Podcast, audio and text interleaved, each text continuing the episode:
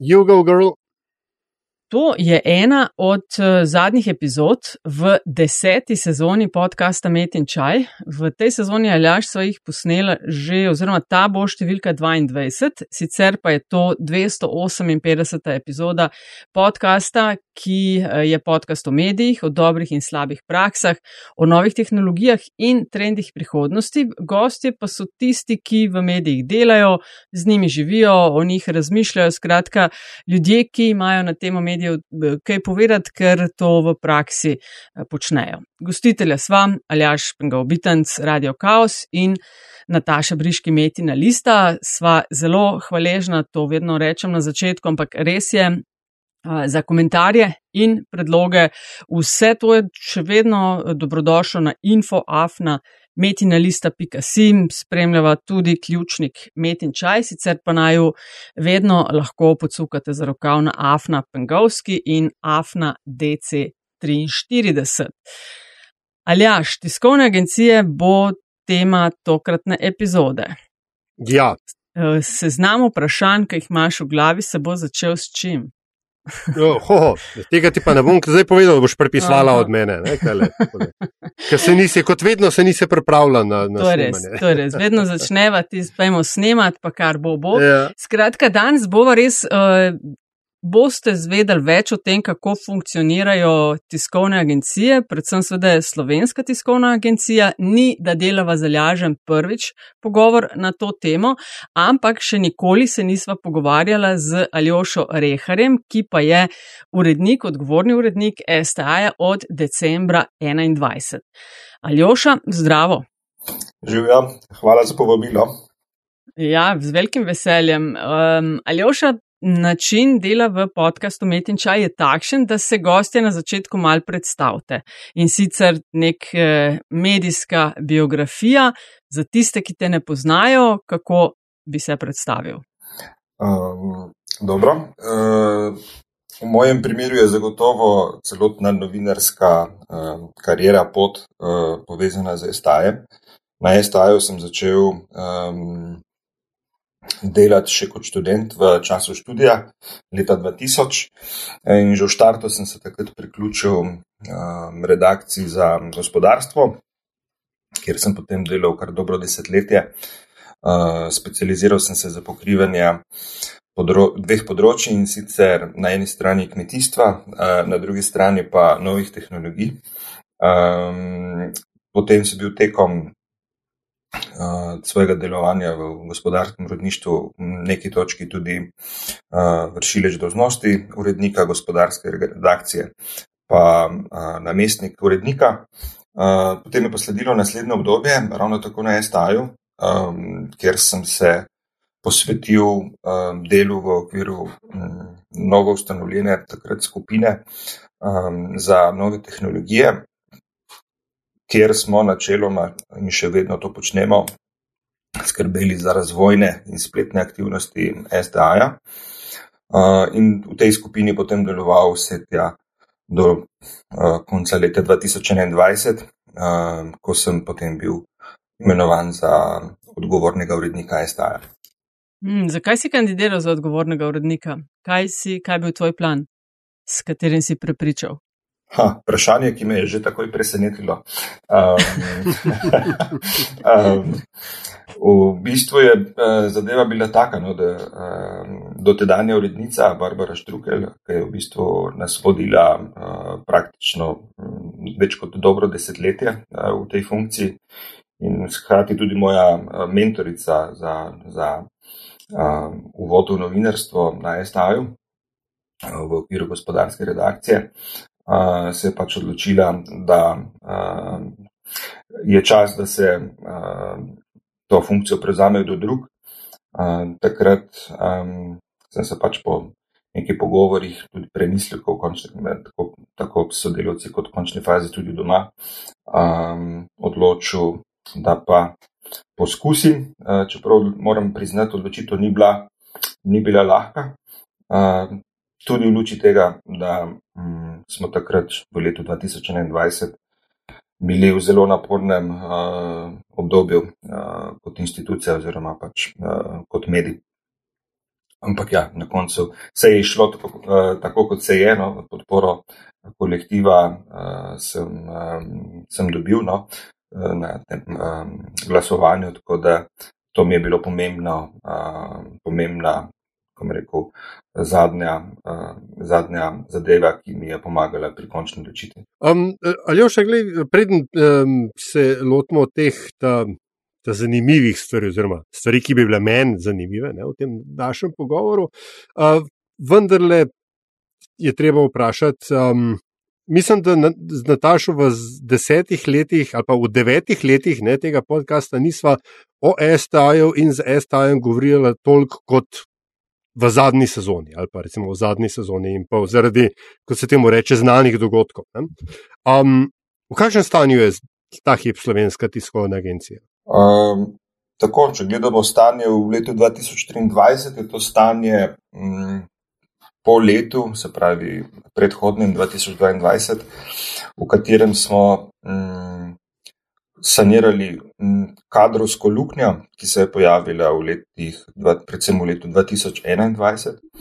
Um, se pravi, iskali smo kadre, uh, s katerimi smo nadomeščali kadre, ki so nas zapustili tekom te tako imenovane agonije. Um, tako da to smo v lanskem letu uh, uspeli, ni bilo enostavno.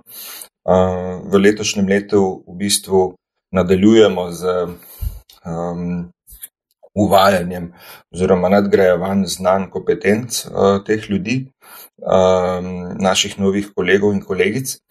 Eh, tako da to je še proces, ki ni še uh, končan, eh, je kar dolgotrajen.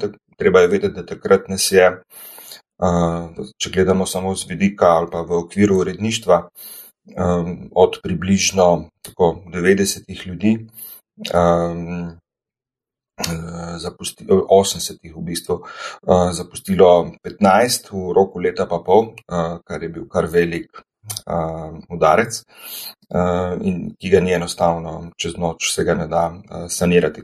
Um, ampak ja, to smo dali zdaj skozi in smo v fazi, rekel, um, saniranja, še zaključnega, uh, zaključne faze.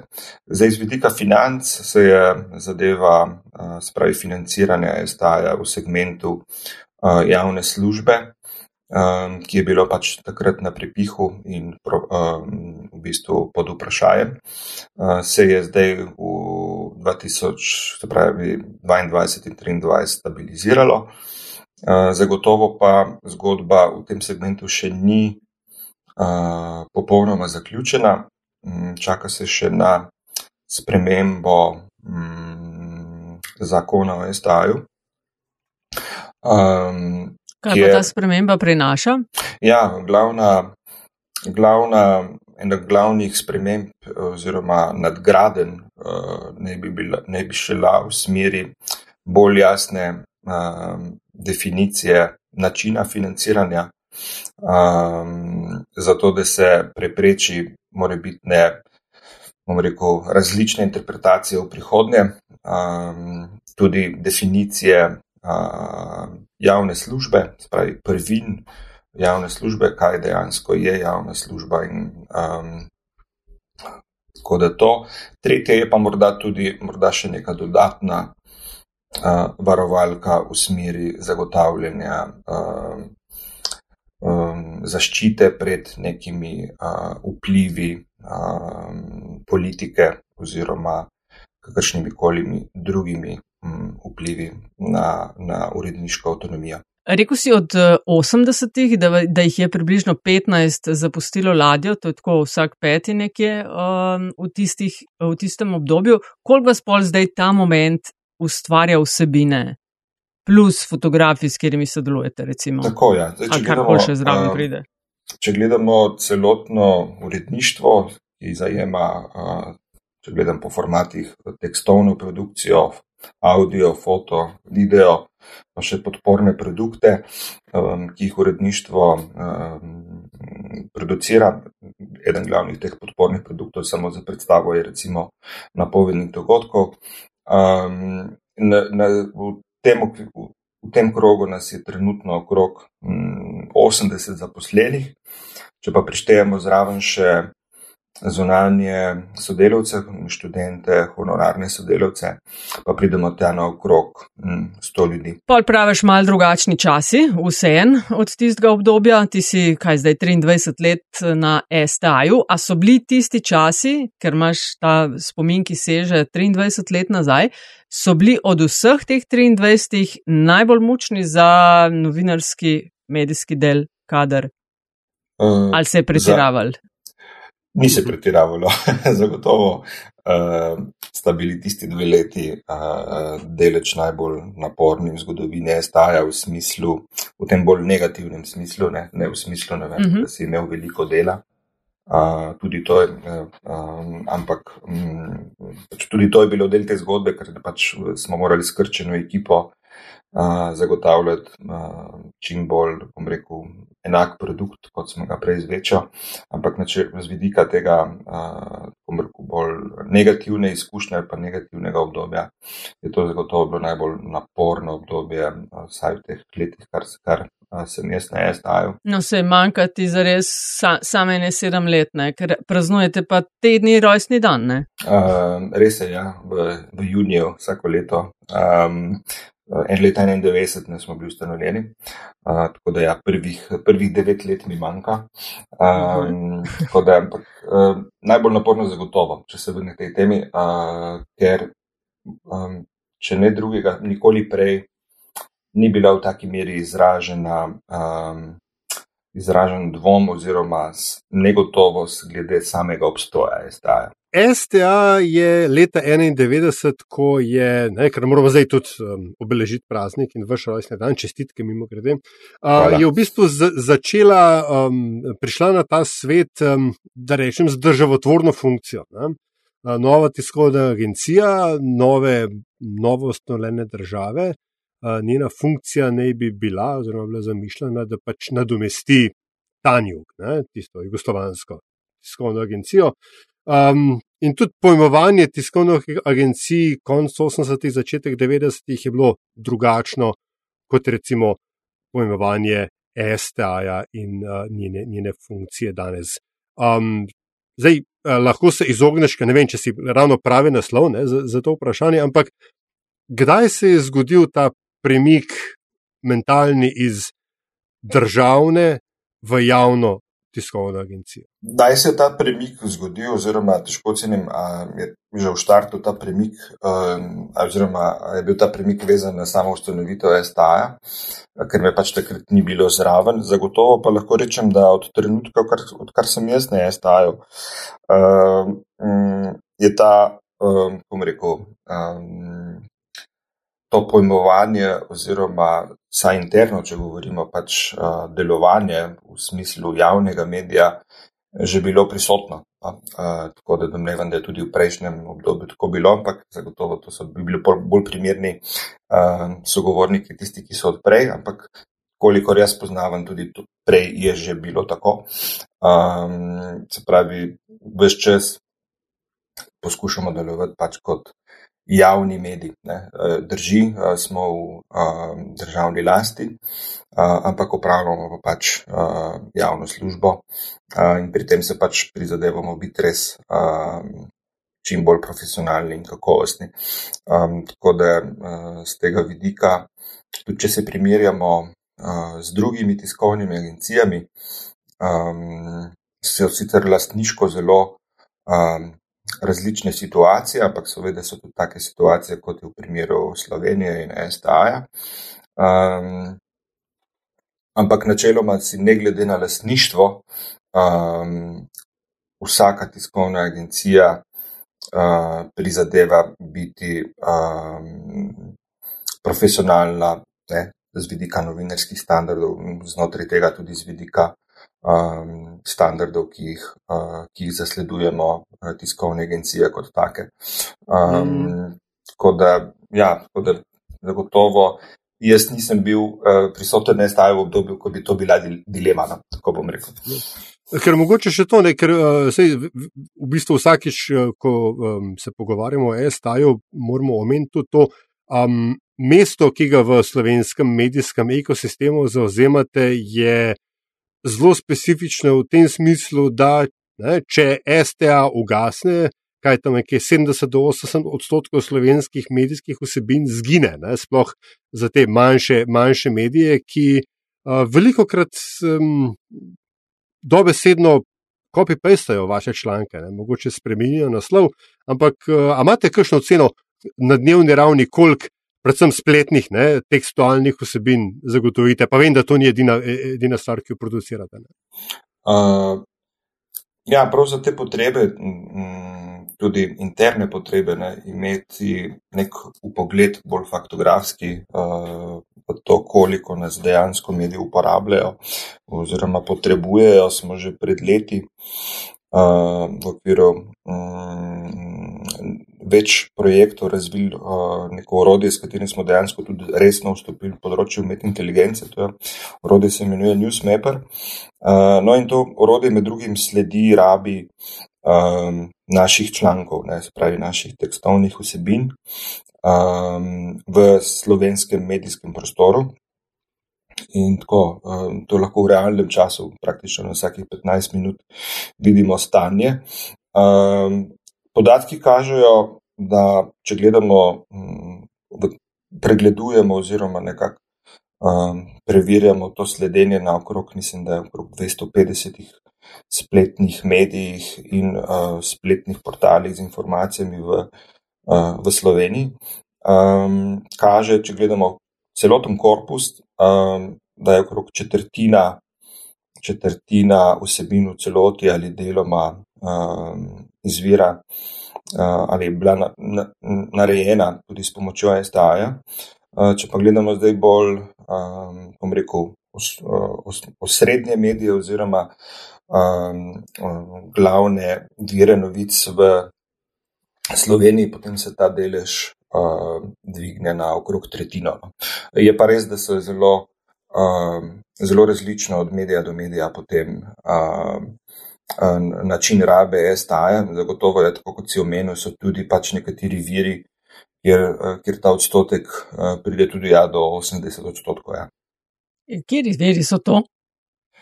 Tega pa ne bom razkril. Okay, Lej, zasedaš funkcijo odgovornega urednika STA. Ne zna si vsak predstavljati, kako to zgleda, a lahko en tak povprečen dan odgovornega urednika pri vas opišeš? Zelo povprečen dan, če ni nekih ekstra zadev odgovorne, za odgovornega urednika je ta, da pač uh, zjutraj, ko prideš v službo, um, najprej pregledaš, um, kaj se je zgodilo od časa, ko si bil na zadnje priklopljen. Um, tako v smislu eh, produkcije STA, kot v smislu uh, dogajanja um, nasploh. Uh, v mojem primeru je potem naslednja rutina um, pregled uh, jutranjega tiska. Um, sledi potem celo nekakšna ura, ko imaš čas za kakšne uh, bolj strateške, pa malo dolgo, bolj dolgosežne uh, uh, mi, uh, premisleke opravila. Uh, na to ob 9:30 imamo klasično vedno uh, prvi uredniški, dnevni uredniški sestanek, ko se uredniki posameznih uredništev uh, usedemo, uh, pogledamo, um, kaj nas čaka v tekočem dnevu in ali so kakšna odprta vprašanja. Tu pa tam se najde tudi, uh, ne vem, kakšna obravnava, uh, kakšne, ne vem, kritike v končni fazi, če se je pojavila.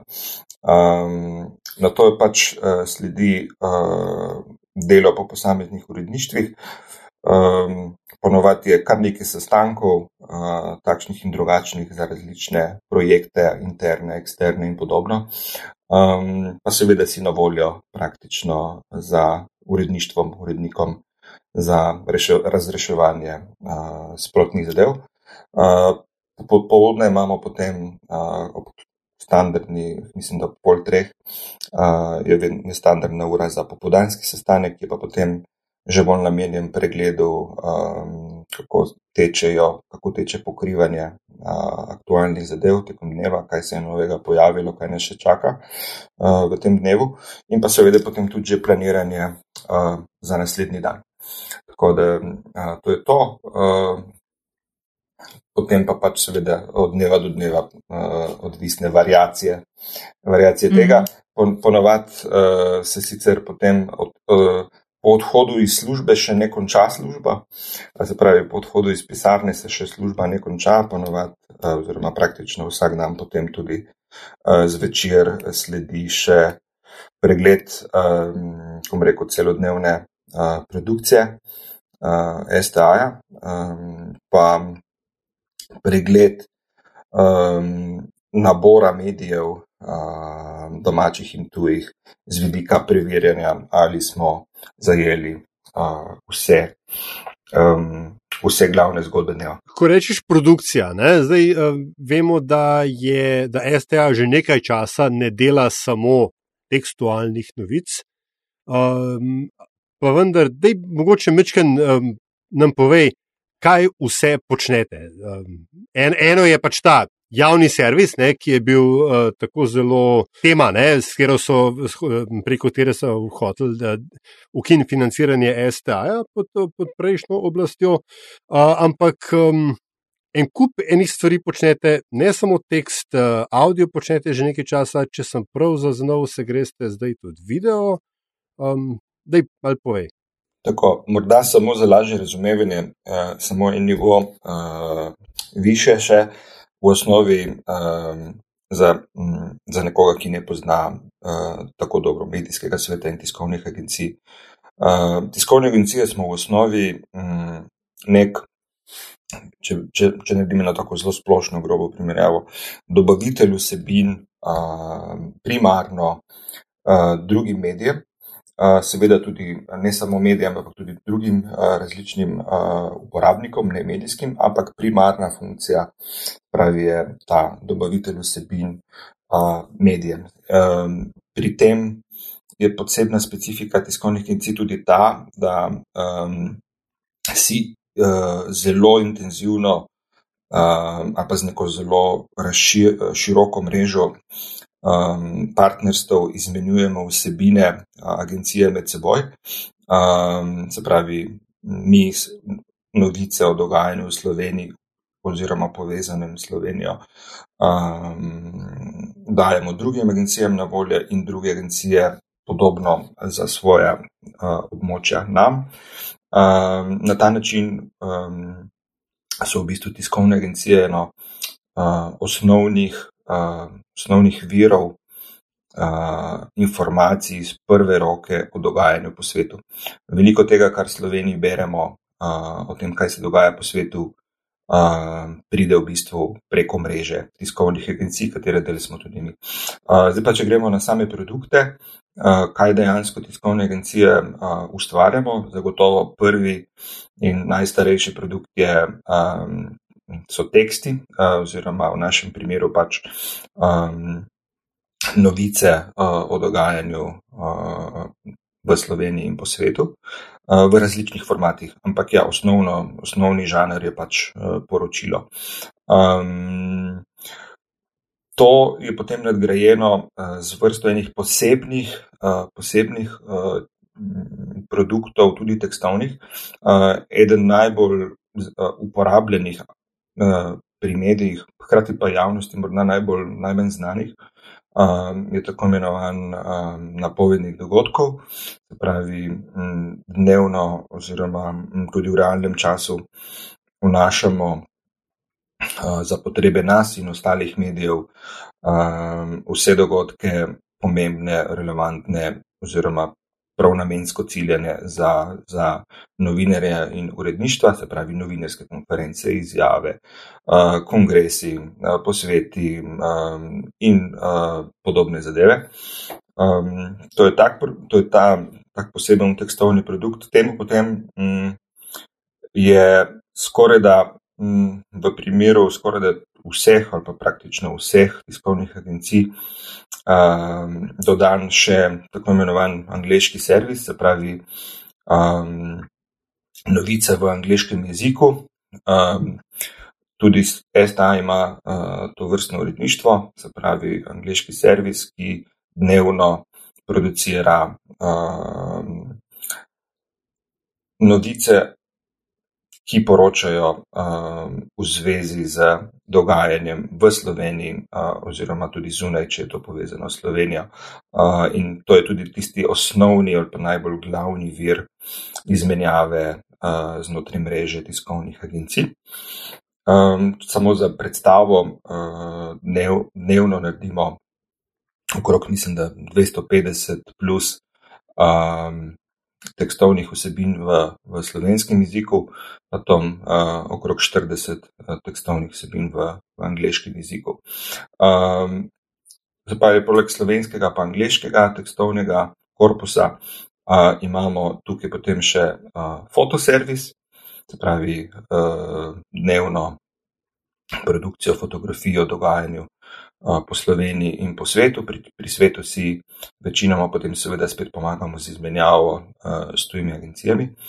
Mm, uh, audio servis, se pravi uh, kratke um, izrezane izjave uh, govornikov na različnih uh, dogodkih. Uh, sledi potem video servis, ta je tudi najmlajši. V našem primeru smo ga čisto zares v nekem večjem obsegu zagnali v leta, leta 2017 s prenosi v živo.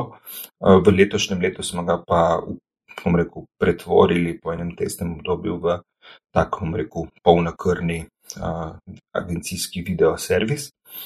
Um, tako da to, potem so pa tukaj še, bom rekel, če združim pod nekim skupnim imenom, še neke uh, spletne aktivnosti, um, V našem primeru je to eh, ena serija portalov, ki jih imamo, eh, ki so v celoti odprti in namenjeni eh, splošni javnosti. Kateri so ti portali, ki so namenjeni splošni javnosti in so odprti? Ker vi imate seveda ta servis večinoma, ne, verjetno za bolj profije, se pravi druge medije in novinarje, oziroma kdorkoli si vas lahko prvošči kupi, ne, ne toliko, tako kot bi rekel, vem, na delo.si, dnevnik.si, kamor prideš, ki je za splošno javnost. Ne.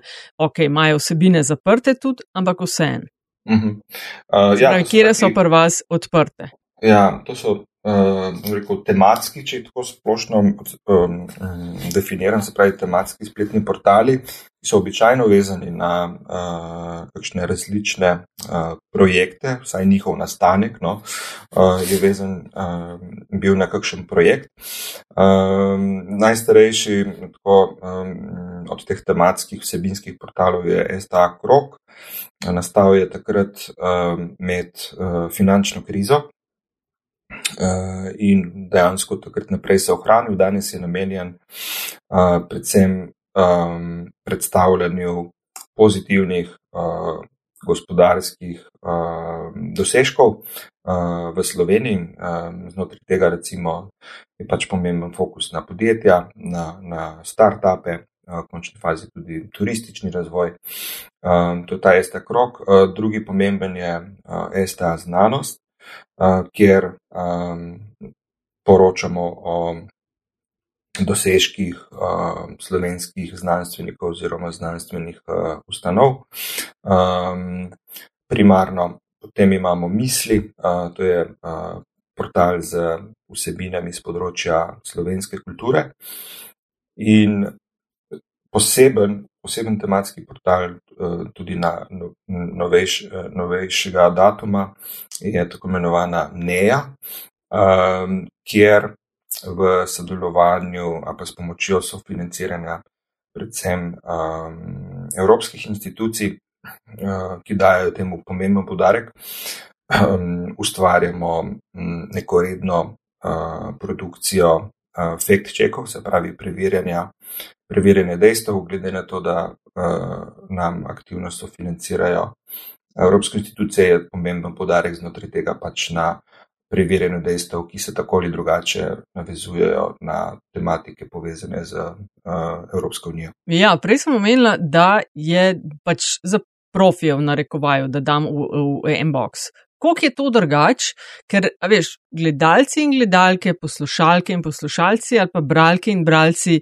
se oglašajo in oglašamo, o, to bi mogli pa tako delati, zakaj pa niste tega pokrivali in tako dalje. Kaj pa prihaja na vaš naslov? Uh, ker ni naše... čisto splošna javnost. Ja, ja. Uh, odkar smo m, v želji potem, da uh, tudi m, delujemo intenzivno na, na spletu in smo posledično uh, bolj intenzivno prisotni tudi na družbenih omrežjih. Od takrat naprej tudi mi uh, kot mediji prejemamo podobne, uh, podobne uh, odzive javnosti, kot so jih navajeni drugi mediji. Uh, ampak pač ja, v tem segmentu prek uh, družbenih omrežij oziroma prek um, no, okay, elektronske pošte, no, celo uh, klicev, recimo, ampak to je zelo redko, uh, oziroma vedno manj. Um, tako da um, v tem pogledu je, je isto. Imamo pa recimo en segment, uh, segment odzivov, ki jih pač drugi mediji niso tako toliko vajeni, ker pač niso v takšnem položaju. To so pa pač odzivi um, novinarske skupnosti oziroma novinarjev, uredništev naših um, medijev, ki nas uporabljajo uh, v smislu od najbolj takih osnovnih. Ali bomo nekaj naslednji dan pokrili ali ne, zato da lahko lažje planirajo svoje delo pa tudi do takih kritičnih v smislu, um, zakaj uh, smo recimo pri, pri uh, to tako zelo pogosta, mislim, razmeroma pogosta uh, situacija, ko pač povzameš nek medij in pri tem nehote, ne, to še enkrat podarjam, tudi na tem mestu nehote spregledaš, da je morda kakšen drug medij o tem že prej poročal, ne, in, ampak tega medija v svojem povzetku uh, ne omeniš. Um, to je tak uh, primer, ki jih recimo drugi mediji niso toliko vajeni uh, kot mi. Ampak tukaj gre predvsem za kaj, za profesionalni ponos. Če, mislim, zaradi tega nobenemu ne bo korona z glave padla. Predvsem tako, rekel, za poš, rekel, um, pošt, uh, po svoje pošten, pošteno obravnavo. Ne, uh, pač, če je nekdo bil prvi, um, ti pa ne. Um, njega ne vidiš kot vir, ampak ne vidiš nekoga drugega, ki je bil kasnejši. Ne, uh, iz, uh, je tukaj, kom rekel, si morda ne, ne popolnoma fair do njega. Ne. Ok, dvo, ampak v redu, zdaj, če si ne, poskušamo to prevesti v. v um, Izmišljen pa vendar ne primer z, v realnosti. Ne vem, če pomorski vestnik o nečem poroča, vi pa povzamete finance. Kaj, ali se morate zdaj pomorskemu vestniku upravičiti? Poskušamo to sanirati, kolikor se da, res je. Um, okay. da, ja. no, ampak, gledaj, ko si omenil spletne, um, se pravi, spletne servise, storitve in tako dalje. Uh, STA je tisto, česar nisem, oziroma si vsaj mečken nakazal. Um, STA je v resnici tudi uh, na, vsaj za, slo, za raz, slovenske medijske razmere na tem, ne, z lepo slovensko besedo, cutting edge um, tehnološkega razvoja. In ti, konkretno, si bil uh, na začetku povedal, direktno upleten v to, uh, pa me zdaj zanima, kaj, uh, kako recimo uporabljate, oziroma kakšni so pomisleki um, pri uporabi umetne inteligence. Že kaj je ne 10-15 let nazaj uh, se je začelo govoriti v, pač v medijih na splošno o avtogeneriranih vsebinah. Večinoma so bile to, vsaj v angliško govorečih medijih, kakšne športne vsebine, kjer so, je bilo veliko recimo, statistike, pa je bilo pa je, recimo, računalnik hitreje zgeneriral poročilo z nekega športnega dogodka, kot bi ga novinar napisal. Uh, take stvari, pa sem se dolg časa smo, smo grizni lohte, a je to zdaj pomeni konec novinarstva ali to ne pomeni konec novinarstva.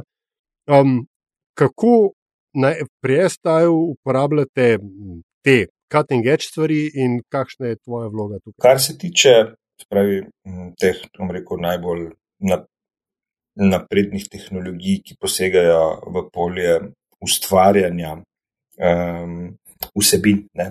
Um, tako kot si omenil, zagotovo se je začelo ja, uh, tako, že kar kakšno desetletje nazaj z, z takimi bolj enostavnimi um, primeri spravi primeri, ko se lahko ustvarja uh, vsebine um, na s pomočjo nekih, bom rekel, algoritmov, pa če jih posplošeno imenujem robotov, se pravi, ki jim programiraš set pravil, na podlagi katerih potem on gre do vira podatkov, recimo špo, športnih rezultatov športnih tekem, vem, gibanje delnic na borzi, statističnih podatkov in podobno.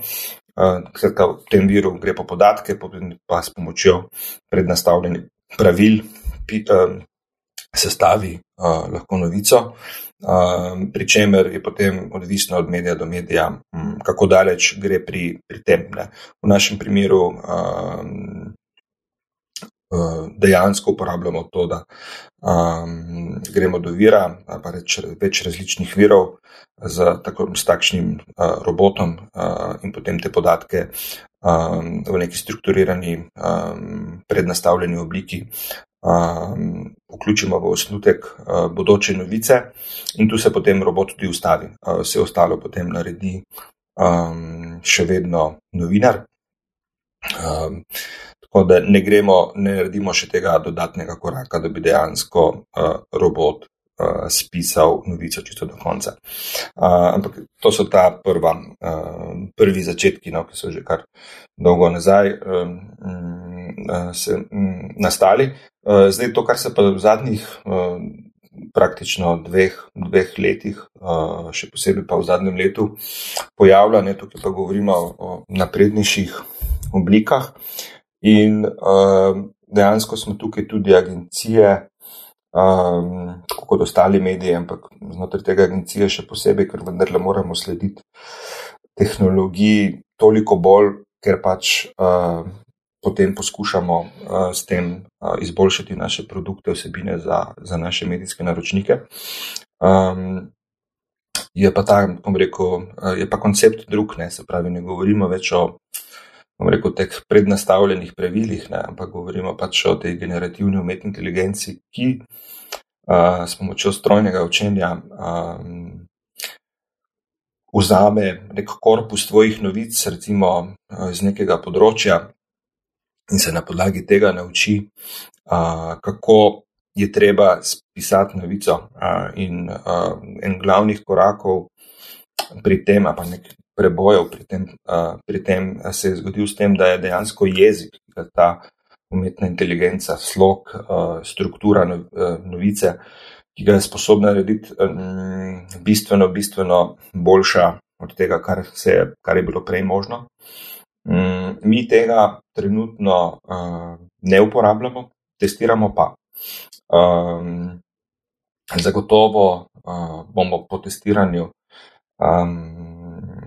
se tudi odločili, kako to uporabljati, do katere mere.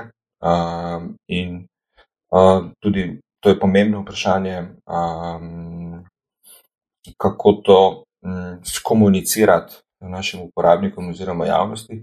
Zagotovo pa ne, ne gremo zaenkrat v smer, da bi dejansko novice producirali z generativno umetno inteligenco uh, v končni obliki. Uh, predvsem, op, ja. Oprosti, ki te prekinjam, ampak ker je ne, zanimivo, uh, zanimiva dilema, zakaj? Z, z, z, zakaj ste se, se boste ali pa ste se ustavili na tej točki? Imate ali imaš etične pomisleke, a so to, um, bom rekel, pomisleki pred, ne, kaj bo z novinarskim poklicem, ali je, so to tehnične ovire, ker je slovenski jezik vendarle malenkost bolj kompliciran v tem smislu, generativnem, ne, zaradi prevojev in, in slovenične strukture, kot nek drug um, jezik, recimo angliščina. Mm, slovenščina kot taka, in tukaj je tudi z vidika slovenskega prostora nastal res velik uh, korak naprej, v bistvu ni več uh, ovira, oziroma slovenščina ni več uh, Eh, nek faktor, ki bi, spravi, obladovanje slovenskega jezika uh, strani umetne inteligence, uh, ni več tak uh, omejevalni faktor, kot je, bila, kot je to bilo v preteklosti, v primerjavi z recimo drugimi bolj tehnološko razvitimi jeziki. Uh, tako da to ni več težava. Če dam samo primer. To, kar trenutno testiramo, tako čisto v nekih povojih, je to, da recimo imaš dogodek, na katerega greš z novinarjem oziroma ja, novinarjem, ki ga pač snema s telefonom oziroma z drugo snemalno napravo. In trenutno je testno možno to, da pač avtomatsko, ko ti to snemaš, se to prenaša v tvoj sistem v realnem času, kjer se v realnem času tudi zadeva transkribira. In tako da praktično po koncu dogodka imaš že takoj na voljo transkript, ampak zgodba se ne konča tu. Praktično v naslednji sekundi oziroma nekaj sekundah imaš na voljo tudi strani sistema spisano um, osnutek novice. In sicer dejansko na, na, na, na način, kot, ga, kot ga običajno ti uporabljaš pri pisanju novic. Um, ali pa recimo, če je želja druga, recimo povzetek uh, izjave v nekih alinejah. Um, To je že zdaj možno in, in jezik ni problem, več se pravi slovenščina kot taka. Uh, kaj, je, kaj je zadržek, zakaj ne gremo do tega, da bi to dejansko začeli uporabljati? Prvo je uh, stopne zaupanja. Uh, se pravi, ali uh, je vse to, kar je umetna inteligenca uh, zapisala, stoprocentno uh, drži, ne? ani kakšnega povzetka napačno naredila, oziroma kakšnega um, čisto tako faktografskega podatka uh, napačno transkribirala. Uh, tako da to je en tak tehnološko. Uh, Tehnološki, oni drugo je zagotovo etični. Ne, se pravi, kaj dejansko mm, želimo. Ne. Oziroma, pot, eno so potrebe, drugo je, kaj želimo kot stroka ne, ali a, oziroma kot, a, kot panoga. A, ali želimo iti v smeri, ko bodo a, novice spisane a, strojno. Mm, tukaj je vprašanje kar delikatno, pa morda niti ne toliko zaradi, a, zaradi strahu da bi to privedlo uh, neposredno recimo v krčenje uh, števila novinarjev. Uh, te, te, tega strahu jaz ne vidim na ta način, ker uh, se lahko, tako kot smo se tudi v preteklosti na druge tehnologije, pač prilagodiš na način, da pač ljudje delamo tiste zadeve, ki jih lahko uh, ki jih tehnologija uh, ne more nadomestiti. Um, in tako da z tega vidika je odločitev v bistvu, kako rekel, dejansko tehnološko-etična. Ne? Pa tudi od, primer, od primera um, vsebin. Uh, če govorimo o segmentu vsebin, ko smo jih čisto prej omenili, se pravi, kratke, zelo. Standardizirane faktografske novice z nekim, recimo, iztekom iz dogajanja na gibanje tečajev delnic, ne vem, statistika o brezposelnosti, recimo. Ne. Tam je tehnologija lahko zagotovo že Dobro, to res ne rabiš človeka, da razvrsti verjeten tiste številke, ki jih naredi mašina v Excelu in pol pove, kaj je največ, kaj je najmanj, pa kaj je sredina. Tako, ne? tako. Je, je pa tukaj recimo lep primer, kaj pa lahko človek naredi. Lahko pač to zadevo kontekstualizira oziroma uh, pokliče nekoga mhm. -huh. za neke, nekega strokovnjaka za, za izjavo, komentar. Uh, uh. In v tem primeru je to pomeni neko prilagoditev tvojega dela, nekaj, kar si moral ti prej v celoti sam ročno narediti. Zdaj ni treba, imaš, imaš morda za to več časa, da recimo v večjih primerjih takšnih novic pokličeš za komentarne. Um, tako da, kar je z vidika bravca, uporabnika, ki, do katerega potem pride ta novica, dodana vrednost. No, ko smo pa že pri tem, pa preden mogoče gremo počasi na zanimivost pri tehnologiji, torej, kakšne pa ti vidiš um, ne samo vsebinske smernice in novosti, s katerimi po tvojem se moramo spoprijeti mediji v prihodnje, ampak tudi kakšne tehnološke trende zaznavaš, glede na to, da se res že vrsto let uh, deluješ pravzaprav tudi znotraj STA-ja na področju novih tehnologij in uh, podobnega? Krovno gledano, um, zagotovo je na račun tega tehnološkega razvoja v zadnjih letih, uh, to je glavnih, eden glavnih trendov, ki vpliva na, na, na vsakdanje uh, delo novinarjev, se pravi uh, napredne uh, tehnologije na področju uh, umetne inteligence. Uh, Pa tudi kakšne druge, recimo, orodje, za, ki ti omogočajo določene procese digitalizirati. Um, na splošno jih lahko razdelimo v, v bistvu v v tri sklope. Um, eno so tiste, ki ti pomagajo v fazi um, iskanja in spremljanja um, novic in dogajanja, druge so tiste, ja. ki, ki ti pomagajo v fazi uh, samega uh, pisanja potem novice ne, oziroma nekega novinarskega produkta. Tretje so pa tiste, ki ti pomagajo pri distribuciji, diseminaciji tega. No. In tukaj je zelo veliko orodij že na voljo, ampak pomembno se je pri tem potem vprašati, kaj s tem. Um, kaj vse to morda povzroči? Um, eno je pač v redu, pomaga, ta prvi segment je To so orodja, ki ti lahko olajšajo ali morda celo uh, pohitrijo uh, tvoje delo uh, in s tem ti omogočijo recimo čas za, za tisto delo, um, kjer ti pa tehnologije ne morejo pomagati. Uh, drugo je, ta zadeva ti uh, omogoča tudi morda nove priložnosti oziroma uh, produkte v končni fazi. Uh, če ponazorim tako na enem morda starejš, starejšem primeru, um, prenosi v živo, ne, uh, ko so postali dostopnejši v smislu, da se ga praktično uh, lahko to izvaja um, zelo minimalistično opremo, pač z uh, mobilnim telefonom povezanim na širokoposlovni internet, pa z nekim zunanjim mikrofonom. To je um, prineslo um, tudi nove priložnosti, uh, oziroma v končni fazi produkte. Uh, prenosi v živo so kar pomemben, uh, novejši produkt uh, tiskovnih agencij, ker v bistvu do svojih uporabnikov bistveno hitrejše uh, prineseš uh, informacijo o nekem dogajanju.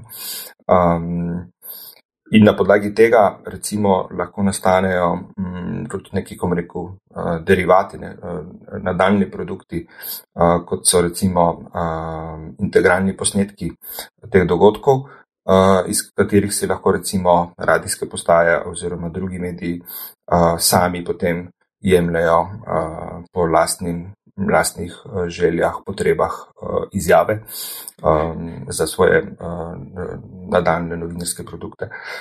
Podobno je tudi pri umetni inteligenci. Če dam primer, mm, transkripcijo kot eno od teh mm, področji, se pravi transkripcija govora v tekst, pri tem je en tak, eden prvih mm, rekel, produktov, ki doslej sploh ni bil mogoč, so, so transkripti uh, integralnih um, dogodkov. Ne? Se pravi, ti si šel na novinarsko konferenco, uh, jo posnel in kar naenkrat lahko uporabniku um, ponudiš poleg tvoje novice uh, tudi transkript celotnega dogodka. Um, tako da si lahko potem on to naprej. Kdo ima živce, da gre čez vse. Ne? Tako, ja, ja, ja. ampak ni mu, ni mu več treba poslušati. A, lahko na ja. hitro pogleda, a je noter kaj zanimivega za ali ne s pomočjo transkripta, pa srča. Ja, ja, ja. Prej mu tega ni bilo treba. A, tako da Tako da to, tretje je pa seveda prilagoditev, ne, kaj to pomeni. Uh, tretji segment pomemben je pa, kaj to pomeni za, uh, za tvoje vsakdanje delo in organizacijo dela. Uh, to smo imeli uh, ravno včeraj um, v okviru našega uredniškega kolegija um, eno tako bolj strateško debato in pomembno, pomemben izziv znotraj tega je, da se lahko s pomočjo oziroma ne s pomočjo, na račun teh uh, tehnologij, začnejo izgubljati znanja, kompetence, ki smo jih prej novinari morali imeti že za svoje osnovne delo. Če dam ponazorim, ko si nekoč šel kot novinar na teren na neko konferenco, izjavo, dogodek, načeloma si moral biti sposoben, um, vsaj kot agencijski novinar, že tekom dogodka, pač si ok, ne samo zapisovati uh, ključne informacije uh, in izjave, ampak tudi biti že uh, sposoben narediti um, ta izbor. Uh, kaj, kako bo novica uh, zasnovana, na čem bo podarek, katero informacijo bo vsebovala. In praktično si, si že ves ta proces miselni med dogodkom opravil eh, in ta novinarski proces je v marsikateri točki v bistvu tudi že uredniški proces.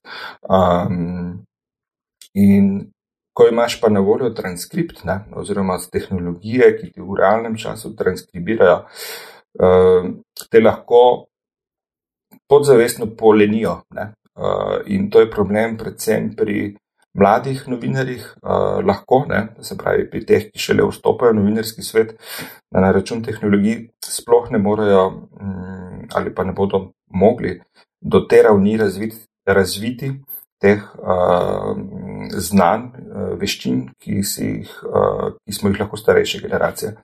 Uh, posledično bojo tudi lahko, ne, oziroma obstaja tveganje, da so potem uh, njihovi produkti, ker še vedno tudi, tudi če imaš transkript na voljo, moraš na koncu spisati neko novico, uh, da bodo um, pri tem manj vešči, manj hitri, uh, kot, bi bili, pre, če, kot bi bili, če bi imeli ta znanja. Uh, razvita.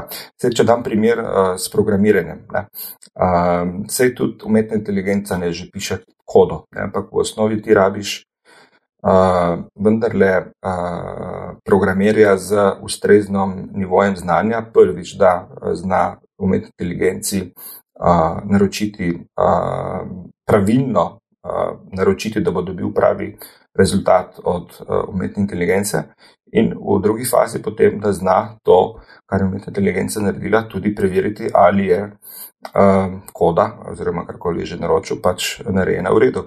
Zato rabiš dejansko usposobljene ljudi ne, uh, in ta segment bo, bo tudi v novinarstvu uh, dejansko prav na račun umetne inteligence postal uh, še dodatno pomemben. Ne. Se pravi, uh, ne bomo zaradi tega zgubljali, ampak dejansko bomo biti še toliko bolj pozorni, da, da ta znanja razvijamo kljub umetni inteligenci. No, ampak, že, um, smo že pri odvisnosti od uh, tehnologije, recimo pa je moje zadnje vprašanje, pa gremo pa mogoče na ta še na zanimivost. Um, odvisnost od to sodobnih spletnih platform. On si seveda ne predstavljamo več um, spremljanja nobenega uh, dogodka, če ni preko, če ni preko Twitterja, YouTuba, Facebooka. Um, hkrati pa so to platforme v zasebni lasti in uh, sploh na Twitterju smo, kaj zadnjem letu dni, uh, lahko spremljali hitro spreminjanje pogojev uporabe. Uh, Kako zelo je STA recimo odvisna od um, kakšnih takih, ali recimo. Nima, nimate, evo, nimate zlate kljubce. STA novica, vaš glavni, glavni Twitter, Twitter račun, nima zlate kljubce, ki stane kaj tisoč evrov na mesec, zdaj ponovno, odkar je Elon Musk to kupil. Um, in ne, načeloma niste več verified, čeprav ste nekoč bili, če se prav spomnim. Medtem ko časnik del, ja, ne vem, ste bili ali ne. Ampak skratka, moje vprašanje je, a, a, kaj, kaj se zgodi z vašo spletno prisotnostjo, če se pogoji uporabe teh platform v zasebni lasti spremenijo. A imate plan B, a ste lahko popolnoma uh, neodvisni od vsega in um, imate kle kakšne contingency uh, planirane. O tem smo zagotovo malo več razmišljali, uh, prav ja, uh, v primeru dogajanja povezane, um, povezane s Twitterjem. Um, Pod črto najprej prvo ugotovitev, zagotovo za STA um, pa tudi drugače tiskovne agencije, družbena omrežja niso življenskega pomena oziroma niso tolikšnega pomena, da bi to zelo vplivalo um, na naše delovanje, če uh, bi ne bili več prisotni na njih, recimo, ne? oziroma če bi iz takšnega ali drugačnega razloga. Seveda bi bila neke vplivi, bi, ampak ne pa, ne pa vitalnega pomena. Um, Tako da z tega vidika ni. Uh, nek, uh, zdaj, kaj so pa morda razmisleki, če bi se to zgodilo, ne? Um, alternative. Ne? Uh, tukaj moramo mediji kot taki uh, narediti nek uh, krovno, nek premislek, ne? kako, kako zelo želimo biti uh, odvisni od teh platform. Ne? Ker uh, ta primer Twitter, pa tudi kakšen drug, ne se tudi uh, druge platforme praktično tudi manj, um, tudi manj um, korenite spremembe na teh platformah lahko um, pomembno zagrenijo življenje. Če dam primer uh, prenosov živo na Facebook oziroma druge, one, ko, ko pač praktično brez tvoje vednosti čez noč ali pa v nekaterih primerjih vseeno tudi kaj napovejo, spremenijo umestnik ali pa neka tehnična ozadje, kako se kaj izvaja, je to kar nočna mora lahko za. za Produkcija tvoja. Uh, ampak ja, to samo kaže, da ne želiš biti uh, preveč odvisen od tega, uh, oziroma moraš imeti nek backup plan. No. V našem primeru eno je, da uh, si prisoten na več platformah, tudi profesionalnih, odvisno od področja do področja. Pa tudi v končni fazi se, se je prav takrat v zgodbi z Twitterjem v bistvu kar okrepilo zanimanje in tudi zgodil nek manjši prehod uporabnikov, vsaj v začetni fazi, na kakšna bolj odprtokodna oziroma liberalno, liberalna uh, družbena omrežja. Uh, v smislu uh, tudi nadzora nad njimi in, in upravljanja. Uh, en od teh je bil, uh, je, no, uh, ta mastodon, tudi nekateri slovenski mediji smo šli gor, čeprav trenutno um, ni ni, da bi um, lahko rekel, da je to omrežje zaživelo na način, kot, je, kot, so, um, kot, kot živijo in so aktivna um, ta najbolj uveljavljena družbena omrežja. Ampak alternative obstajajo. Je pa res, da od medija do medija odvisno, uh, kako se potem v določeni točki odzove. Takrat so primeri pri Twitterju, um, ko je mislim, da je začel dajati uh, te oznake o. Medijem, glede tega, eh, ali so v državni lasti, eh, ali so javni in podobno. Um, se tudi bilo par odločitev nekaterih medijev, da pač preprosto ukinejo um, svojo prisotnost. Um, tako da tudi pri nekaterih medijih je to bolj boleče, pri nekaterih manj, ampak zagotovo um, je treba razmišljati tudi v to smer, ker prevelika odvisnost. Um, zlasti pri medijih od teh platform, uh, ni dobra, ker lahko vodi uh, finančne težave.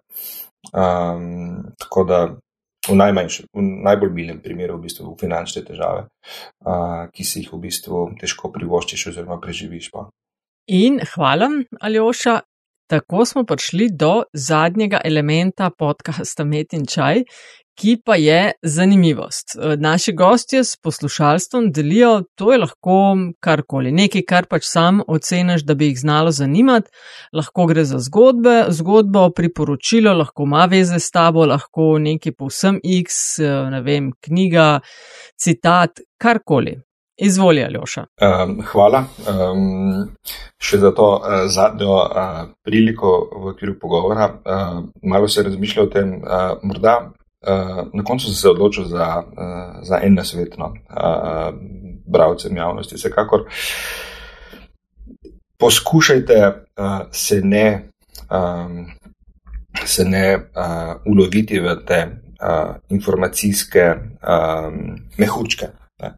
Poskušajte uh, pridobivati uh, informacije uh, iz različnih uh, virov, ker vam uh, bo to omogočilo, kako rekel, bolj resničen pogled na, na, na dogajanje, uh, dejansko dogajanje in dejanska stališča, uh, ki se razvijajo znotraj uh, naše družbe. Uh, tako da v tem pogledu tudi nas medije uh, čaka kar nekaj.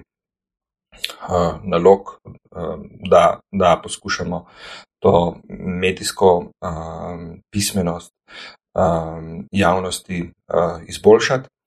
Um, tako da uh, to bi bil tak moj nasvet za konec pogovora. Mm, iz tvojih eh, ust v čim več ušes. Aljoša Rehar, odgovorni urednik STA, res lepa hvala, da si bil gost metinega čaja. Hvala. In je še enkrat vse najboljše. Ja, res je. da, uh, pa na čim več uh, novih obletnic, brez, uh, brez strahu, ali bomo obstali do naslednje obletnice. Absolutno, e, še tako. na mnoga leta. Ajde, Hvala čau. še enkrat. Čau. Hvala, živijo.